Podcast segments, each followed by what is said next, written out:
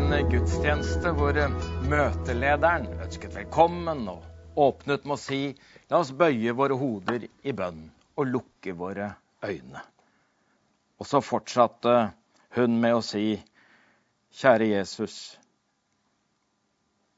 vi ber om at du åpner våre øyne. Man vet jo ikke helt om man skal ha øya igjen eller ha dem åpne for tida, fordi vi har ingen behov for å lukke øya for alt det vonde som skjer rundt oss. Men det vi har behov for, det er at Jesus åpner våre hjertes øyne, så vi kan få øye på det som våre fysiske øyne klarer å se. Og Jeg tenkte jeg skulle lese en bønn som apostelen Paulus ber for menigheten i Efesus, og som jeg vil gjøre til min bønn for Filadelfia-kirka i dag, og for alle andre som vil være med og be den fra Efeserbrevet, det første kapittel, vers 17 til 19. Jeg ber om at vår Herre Jesu Kristi Gud, herlighetens Far, må la dere få en ånd som gir visdom og åpenbaring, så dere lærer Gud å kjenne. Må Han gi deres lys, dere lys til hjertets øyne, så dere får innsikt i det håp Han har kalt dere til, hvor rik og herlig Hans arv er for de hellige, og hvor overveldende Hans kraft er hos dem som tror. Takk for at du hører vår bønn. Amen. Jeg tenkte at jeg skulle si litt om hjertets øyne. For det er jo sant at vi ser ikke bare med våre fysiske øyne, vi ser også med hjertet. Og med hjertet kan vi se noe som øynene våre ikke får øye på. Altså at hjertet kan se det usynlige. Jeg har lyst til å si noe om å sette fokus, om å løfte blikket og om å be om hjelp. Og Vi starter med å sette fokus. For Det er jo unntakstilstand i Norge og hele verden for øvrig for tida. Og det er jo ikke noe rart at vi er både urolige, vi er utrygge og vi er usikre. Og alle er berørt, både direkte og indirekte. Og vi lurer på om vi kommer igjennom dette med liv og helse i behold, med familiære og sosiale relasjoner intakt, med arbeid og inntekt i et samfunn som kan fungere sånn noenlunde normalt når denne stormen har lagt seg. Og sakte, men sikkert har alvoret i situasjonen sunket inn over oss. Og vi har gjennom de siste dagene fått fullt fokus farene, eh, for farene og konsekvensene som dette koronaviruset representerer. Og gjennom denne gudstjenesten så har vi et ønske og et håp om at vi skal hjelpe hverandre til iallfall i noen minutter å flytte fokus fra et virus til Jesus. Ja, jeg vet at det er et billig rim, men det er et godt poeng. I yngre dager så var jeg veldig glad i å fotografere. Jeg hadde et veldig bra speilreflekskamera med et veldig godt lyssterkt makroobjektiv. For jeg likte å fotografere blomster. Og på nært hold skulle det være. Og da er det viktig å velge fokus. For det er skillet mellom det skarpe og det uskarpe som er avgjørende for resultatet. Men da jeg begynte å bruke kamera på mobiltelefonen min, så mista jeg veldig fort fotointeressen. For i det sitter det jo et autofokus. Og når alt i bildet blir like viktig, da blir jo egentlig ingenting viktig. Og for å forstå hva som skjer når vi setter fokus, så er det jo en veldig enkel test. da. Det er jo å sette fingertuppen foran ansiktet, og så kan jeg fokusere skarpt på fingertuppen. Og så kan jeg bestemme meg for at nei, jeg vil ikke se bare på min egen fingertupp. Jeg vil se på det som er bak fingertuppen. Altså se noe annet eller noen andre. Da skjønner jeg jo forskjellen på det å ha fokus på fingertuppen eller på noe annet. Og så er det jo veldig mange som akkurat nå oppdaget at jeg har en flis i fingeren. Eller du har litt skitt under neieren, eller det er et eller annet sånt. Og når Storm P ble spurt om eh, hva han syntes om verdenssituasjonen, så sa han det veit jeg ikke, for jeg har fått et rusk i øyet. Og det er i disse dager veldig lett at et virus tar hele synsfeltet vårt og nødvendigvis alt fokuset. Så nå trenger vi også innimellom å sette fokus på noe annet. Jeg hadde tenkt at jeg skulle lese også fra Hebrebrevet 12, vers 1-2. Derfor har vi så stor, en, så stor en sky av vitner omkring oss. Så la oss legge av oss alt som tynger, og synden som så lett fanger oss inn. Og med utholdenhet fullføre det løpet som ligger foran oss, med blikket festet på ham som er troens opphavsmann og fullender Jesus. Jeg liker uttrykket 'med blikket festet på ham'. Altså, det er å sette fokus og fokusere bevisst. Det latinske ordet 'fokus' betyr visstnok både brennpunkt og ildsted. Og som barn så skjønte jeg at der kan det være en sammenheng. Fordi vi fikk ikke lov til å leke med fyrstikker. Så for å omgå loven så lekte vi heller med forstørrelsesglass. For vi hadde oppdaget at hvis vi lot solskinnet stråle igjennom forstørrelsesglasset, og vi samlet de strålene i et fokus, altså et brennpunkt, da tok det fyr.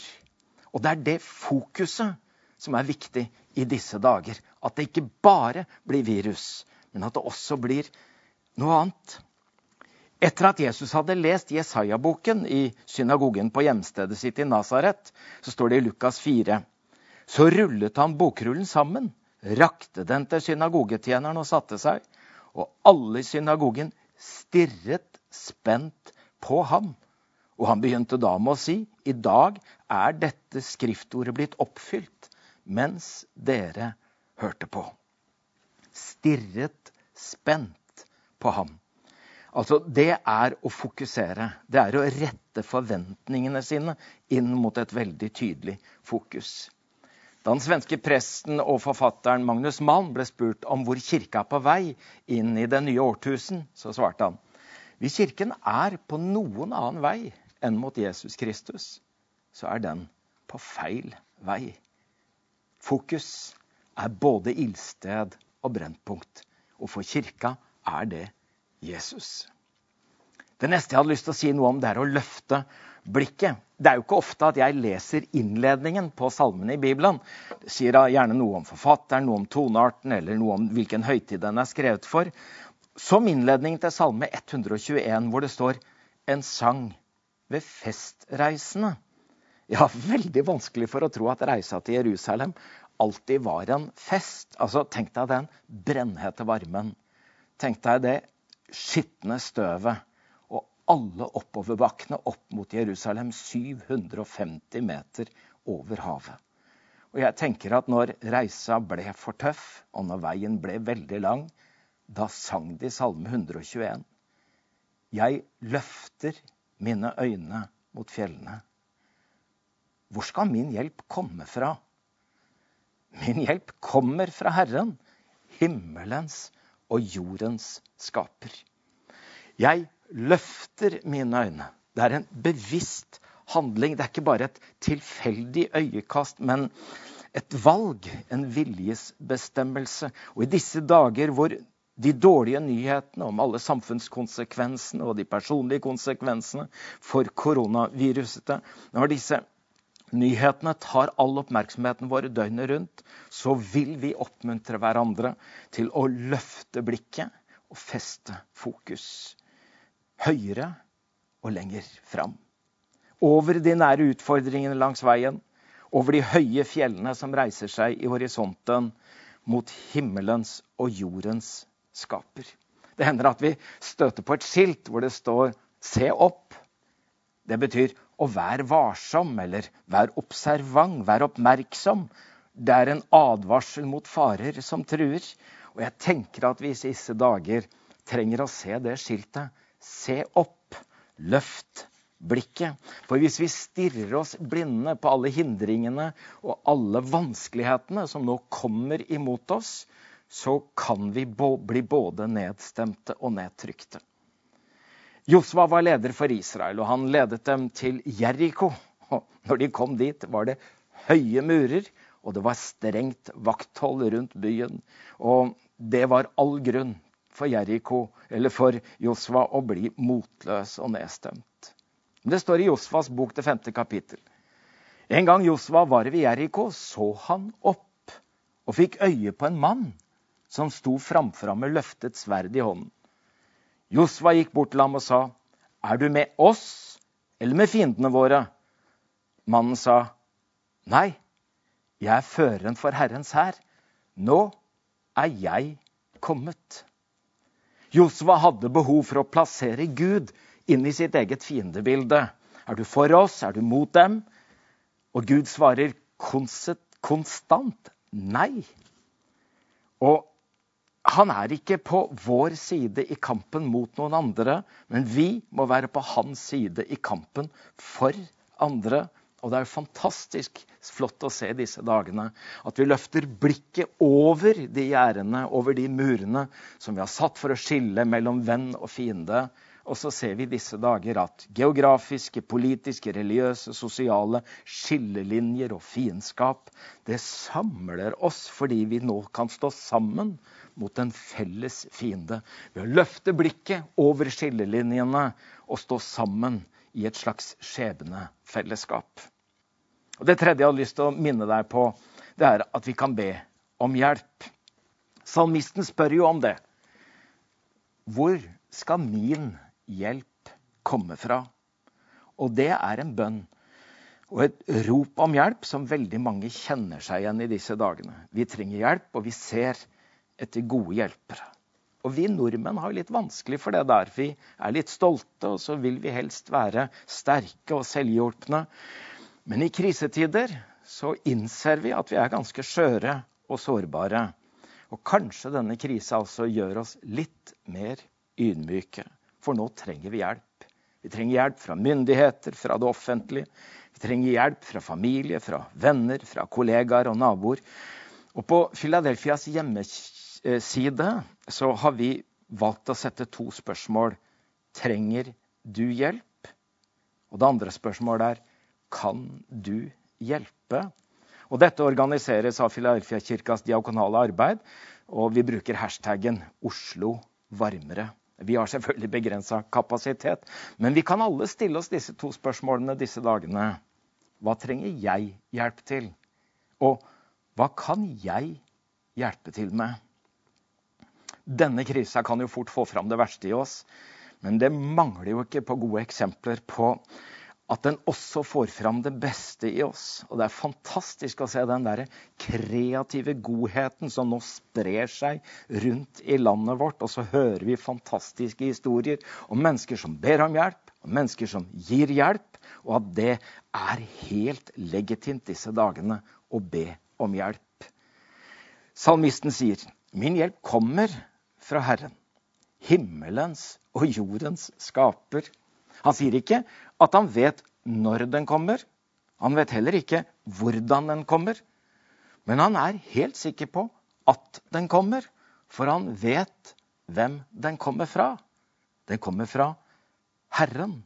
Og jeg tenker at vi i disse dager ikke bare behøver å be for oss selv, men vi kan huske på å be for myndighetene våre, for helsemyndighetene og alle som skal ta store og viktige avgjørelser. At vi ber for de som har stort ansvar og bærer en tung byrde disse dagene. At vi kan be om hjelp for oss selv og for andre. Jeg skal ta dem med inn i det som skjer tidlig morgen i Jerusalem den første påskedagen. Det er en slags overgang fra mørke til lys, og det er noen kvinner på vei til graven, til Jesu grav. Men de går og snakker sammen om et veldig stort problem som de har foran seg. Og det står om det i Markus 16. Hvem skal vi få til å rulle bort steinen fra inngangen til graven? Men da de så opp, fikk de se at steinen var rullet fra, og den var meget stor. Det er godt at de ikke visste at det var enda verre enn de frykta.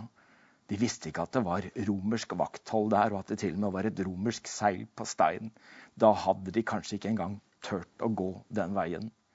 Men når de kommer fram, så er faktisk problemet løst. Og de store hindringene som de fryktet, de er fjerna. For noen hadde vært der før dem. Steinen foran graven var for stor for kvinnene, så de hadde ikke kommet inn. Men den kunne selvfølgelig ikke hindre den oppstandende Herre Jesus Kristus å komme ut. Og om våre problemer er store eller om de er små, det er jo avhengig av hvem vi sammenligner dem med. Og i forhold til oss og våre ressurser så kan de jo være utrolig store og uoverkommelige. Men når vi sammenligner disse med Gud, så kan store utfordringer allikevel bli små. Det må være derfor salmisten minner seg selv iallfall om hvor hjelp kommer fra. Og hvem hjelpen kommer fra. Den kommer fra himmelens og jordens skaper. Og det er i det perspektivet at de store problemene blir litt mindre. Vi har jo ikke alle svarene og ser ikke alle løsningene, men vi kjenner han som sa meg er gitt all makt i himmel og på jord. Og se, jeg er med dere alle dager. Det er også morgendagen som ligger i Guds hender. Så salmisten fortsetter med å beskrive Guds egenskaper og Guds karakter og Guds trofasthet, og avslutter Salme 121 med å si Herren skal bevare din utgang og din inngang fra nå og til evig tid.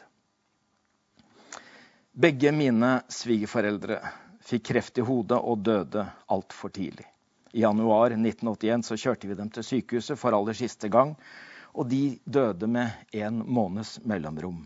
Svigermor var 57, og svigerfar var 58 år gamle.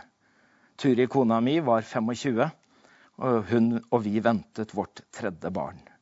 Og på vei til sykehuset var det naturlig nok ingen som sa særlig mye. Det var ganske stille.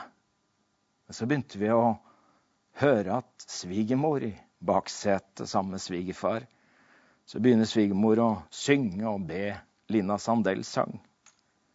O Jesus, åpne du mitt øye, så jeg kan se hvor rik jeg er. Jeg har en Fader i det høye, som faderomsorg for meg bær. I dag kan vi be om at Gud åpner og gir vårt hjertes øyne lys i disse mørke tidene hjelper oss til å sette fokus, løfte blikket og be om hjelp.